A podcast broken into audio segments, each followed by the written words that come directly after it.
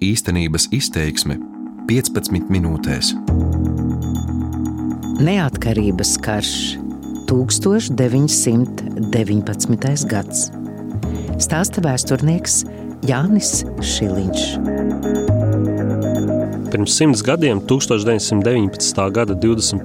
novembrī, Latvijas armija guva savu pēdējo izšķirošo panākumu cīņā pret Pāvela Bermonta komandēto Rietumkrievijas brīvprātīgo armiju, atbrīvojot Jēlgavu un Kurzemi.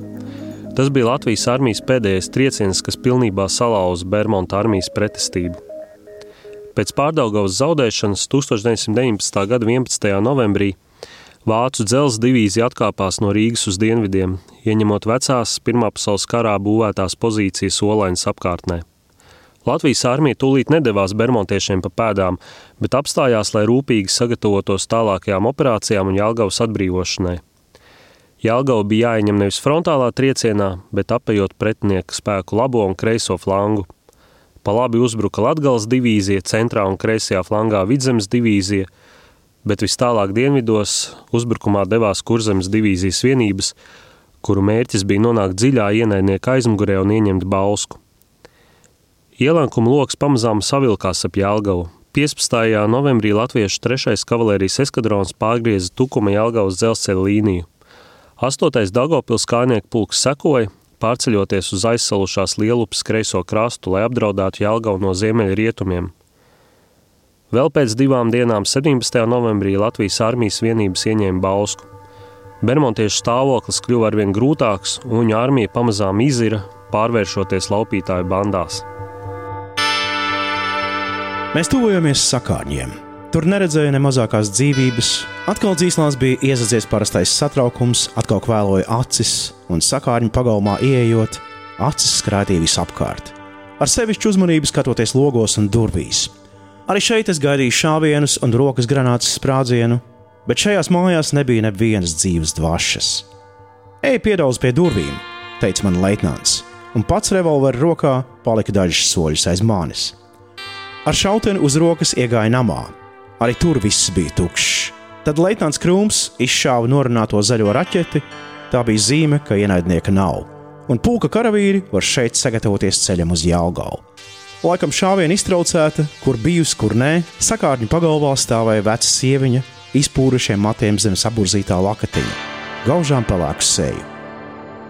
Viņa skatījās mūsos kā nelaimes pokos, Viņi nokrita ceļos, apģērbās ap virsnieka lieliem un raudāja. Nošāva, no, nošāva, abus nošāva, un atkal viņai pārtrūka balss. Visu viņas nelaimes smagumu izjutām tikai tad, kad viņi mūs ieveda ratu šķūnī, kur pār ziemas guļā noliktām ecēšām bija sabrucis kāds jauneklis, un aizveda mūs aiz kūts, kur asiņu nokrāsotā sniegā gulēja viņas vīrs. Arī šeit bija notikusi parastā bermontiešu slepkavība kad mājinieki bija gribējuši aizkavēt, lai neaizved viņu zirgus. Par naudu un solījumiem savērvētiem Vācu lielās armijas atkritumiem viens zirgs bija vairāk vērts nekā divu Latvijas zemnieku dzīvības. Latvijas Republikas dibināšanas pirmajā gada dienā, 1919. gada 18. novembrī, Vācu karaspēks devās savā pēdējā pretuzbrukumā. Iepriekšējā dienā Jālgavas aizstāvēšanas operāciju Bermonta vietā bija uzņēmies vadīt Vācijas armijas ģenerālis Walters Eberhards. Viņš pretuzbrukumā raidīja pēdējās kaujaspējīgās vienības, lai iegūtu laiku un mēģinātu arī iebiedēt latviešu cerībā uz miera sarunām. Eberhards uzdeva padzīt Latvijas armijas priekšējās vienības un radīt platu izpostītu neitrālo joslu, bet pēc tam atkāpties uz izejas pozīcijām un piedāvāt Latvijai miera sarunas – Dzelzdivīzijas pulkiem tika pavēlēts nopostīt visas mājas un padzīt iedzīvotājus no ieņemtā rajona. Vācu uzbrukums skāra galvenokārt 5. cēs un 6. Rīgas kājnieku pulku. Uzbrukumu atbalstīja arī vācu bruņu vilciens. Tomēr neskatoties uz to, ka vāciešiem bija aptuveni divreiz vairāk lielgabalu un ložmetēju nekā Latvijas armijas vienībām, un viņu bruņojumā bija pat liesumetēji, vāciešiem izdevās pavirzīties uz priekšu tikai dažus kilometrus. Vācieši arī pēdējo reizi kaujās plaši iesaistīja aviāciju, kur ilgi bija klusējusi, jo tai trūka benzīna. Sesto Rīgas pulku no sakāves glāba tā komandieris pulkvedis Jānis Apins, kurš personīgi atradās pirmajās kaujas līnijās un apturēja atkāpjošās vienības. Vissmagākā kauja gan šajā dienā bija jāiztur citai vienībai - Latvijas armijas karaskolai, kuras pirmās rotas pastiprinātais otrais vats, 60 vīru sastāvā, virsleitnanta Veckalniņa vadībā, izmisīgā kaujā mēģināja atvairīt Vācu Baltenlandes pulku uzbrukumu. Izlaužoties no ielankuma, krita 12 un tika ievainot 7 kadeti. Divus kadetus vācieši sagūstīja, bet nespējot no viņiem iegūt ziņas pat ar spīdzināšanu, viņi tika nošauti. Viņu vārdi bija Evalds Koliņš un Ansis Erdmanis. 18. novembra vakarā ģenerālis Eberhards nosūtīja telegrāmu Latvijas armijas virspavēlniekam, kurā paziņoja par Rietumkrievijas brīvprātīgo armijas pāriešanu Vācijas aizsardzībā un piedāvāja uzsākt pamieru sarunas. Nekādu atbildi gan viņš no Latvijas puses nesaņēma.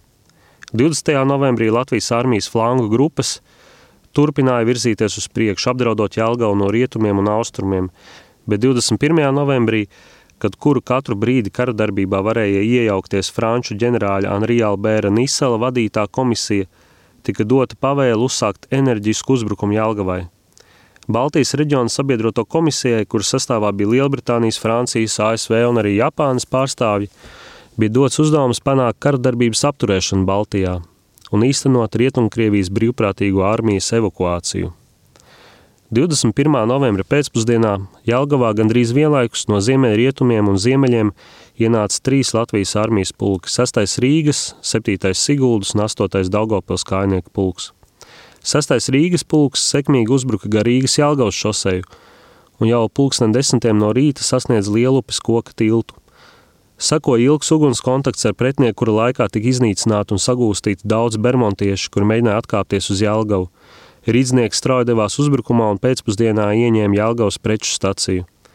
Šajā laikā no rietumiem pilsētā saka ienākt pārējie divi Latvijas armijas pulki, un pilsētas liktenis bija izšķirts. Līdz pulksten septiņiem Jālgava bija pilnībā atbrīvot no bermontiešiem. Viņi steigšus atkāpās Lietuvas virzienā. Latvijas armija Jālgavā ieguva liels trofejas, 16 lielgabals, 24 smagos automobīļus, 10 tūkstošus lielgabalu lādiņu, piecus bruņotus kuģīšus un daudz citu ieroču un kara materiālu. Tirgus laukums bija pilns ar meitenēm un vecām māmiņām, kas bija mums sanesušas ēdienus un dzērienus, visu, visu, kas labākais bija tām mājās. Piena kannas ar kūpošu kafiju, kakao, tēju, maizi ar desām, biespienu sieru, pat karstās pankūks un ievārījums, pat steigā cepta karbonāde, kāposti, pat alus pudele, medus pocis, sviesta ciba Viss, viss, ko krāja un glabāja svētku dienām, bija tagad uz tirgus laukuma. Jelgavai bija svētki, Jelgavas sievietes to zināja un nežēloja it nekā. Nav iespējams iedomāties neko lieliskāku, sirsnīgāku un mīļāku kā vecās māmiņas un meitenes šajā naktī. Mēs priecājāmies par viņām un ēdām kā vilki viņu nesumu, kā izbadējušies suņi divos kumosos sviestmaizi. Dzerām karstos un gardos dzērienus un smējāmies kā apreibuši narkotiķi, kas pēc ilgas atturības atkal laimīgi bauda savu rēbinošo indi. Tad mūs sauc ierindā. Bija jāiet tālāk, Jālgavai cauri. Gar ielas malām stāvēja tauta un veidināja cepurēm un mutautiņiem. Bija jau vēls un tukšs rudens, bet Jāgauniecis atrada pat puķus, lai mūs izpušķotu. Citā vietā pa logu izlidoja divi puķaini cimdi pāri, citur lidoja piparkūku sainīši. Taču vislielāko pārsteigumu sacēla kāds maiznieks ar baltās maizes klaipiem. Kad gājām garām viņa cetuvēji, viņš pirmām rotām izdalīja savus kūkas un saldās smalkmaizītes. Tad nāca bulkas, bet, kad arī to sāka trūkt, pa maiznīcas otrā stāva logu sāk lidot baltās maizes klaipi, vēl gluži mīksti kā jaugaunieču sirdis. Ar gavilēm mēs tos uzķērām un gavilēdam vēlāk notiesājām. Pirmais klaips, kas nāca negaidīti, uzdūrās uz durkļa. Tā bija sajūsma, ko izdomāt un pasniegt mums varēja tikai Jālgautanīs dienās.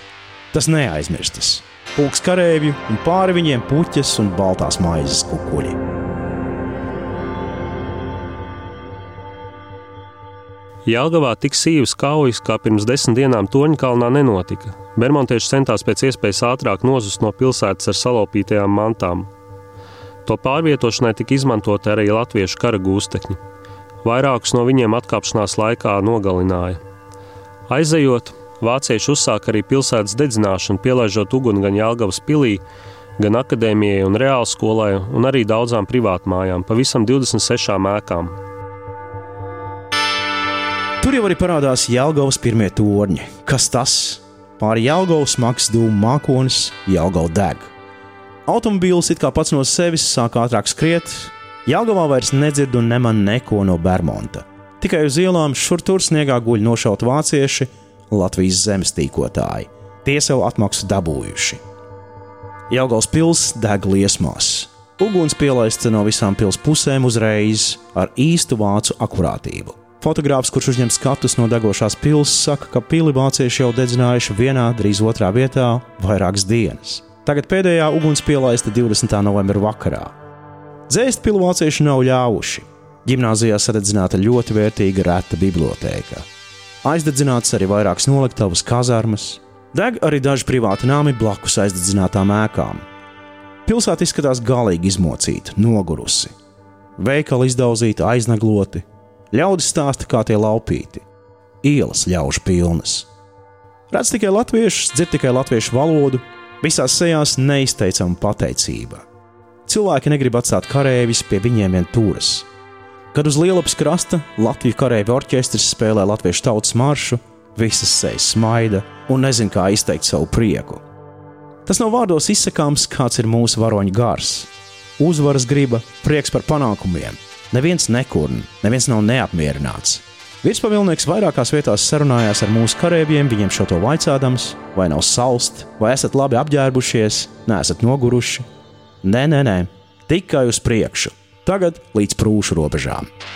Kāds angļu virsnieks jokodams saka, ja katram latvietim iedot pa ložmetējam, tad jau viņi iekaros arī mūsu Londonu. Slava, slava mūsu varoņiem! 23. novembrī Jālgaunieks svinēja pilsētas atbrīvošanu. Jālgavā ieradās ministru prezidents Kārlis Ulmanis, ārlietu satiksmes un iekšlietu ministri, valsts kancelējas vadītājs. Viņus pavadīja cēsu kauju uzvarētājs un Latgales divīzijas komandieris pulkvedis Krišānis Berķis. Pēc svinīgas manifestācijas Ulmanis uzrunāja desmit tūkstošu cilvēku lielo pūli, kas bija sapulcējies Hercoga Jēkaba laukumā. Laikraksts Zemgals balss rakstīja – Prezidents pieminēja tos varoņus, kuri par mums visiem, par Latvijas gaišu nākotni, upurējuši savu dārgāko mantu dzīvību, un uzaicināja zvērēt mūžīgu uzticību Latvijas sarkanbalts sarkanajam karogam, un tad hercoga Jākab laukuma pāršalts valsts himnas skaņas. 22. novembrī Latvijas eh, valdības saņēma ģenerāļa Nisela aicinājumu pārtraukt kara darbību. Turpmāk notika tikai atsevišķas sadursmes ar bermontiešiem, kuri strauji atkāpās eh, uz Lietuvu. Līdz novembra beigām pēdējās Bermuda armijas vienības bija padzītas no Latvijas teritorijas. Decembra sākumā pēdējās bermontiešu daļas atkāpās pāri Vācijas robežai Palangas apkārtnē, un šajā brīdī Bermons izmantoja pēdējo iespēju, lai it kā pēc savu karavīru lūgumu sev paaugstinātu par ģenerāli. Pēc 18. novembra Eberhārda telegrammas Latvijas ārlietu ministrs nosūtīja pieprasījumu Vācijas valdībai ar jautājumu, vai Vācija apstiprina savu ģenerāļu stāšanos Bermuda armijas komandieru amatā. Pēc pozitīvas atbildes saņemšanas Latvijas tautas padomu konstatēja, ka Vācija ir uzbrukusi Latvijai un abas valstis atrodas kara stāvoklī. Latvijas valdība pārtrauc diplomātiskās attiecības ar Vāciju un atsauca savus diplomātiskos pārstāvjus, kas faktiski nozīmē kara pieteikumu Vācijai. Latvijas armijas skaitliskais sastāvs šajā laikā jau pārsniedz 60 tūkstošus karavīru, Tās bruņojumā bija 54 lielgabali un 592 ložmetēji. Liela daļa no šiem ieročiem bija iegūta kā trofejas kaujās pret bermontiešiem. Cīņās pret Bermontu Latvijas armija ir ieguva ārkārtīgi vērtīgu kaujas pieredzi, kas noderēja jau pēc mēneša grūtajās Latgales atbrīvošanās kaujās. Latvijas armijai beidzot vairs nebija jācīnās divās frontēs – pret vāciešiem un Krievijas sarkano armiju. Tagad visus spēkus varēja koncentrēt austrumu virzienā. Latvijas armijai kaujas pret Bermontu bija visasiņainākās tās pastāvēšanas vēsturē.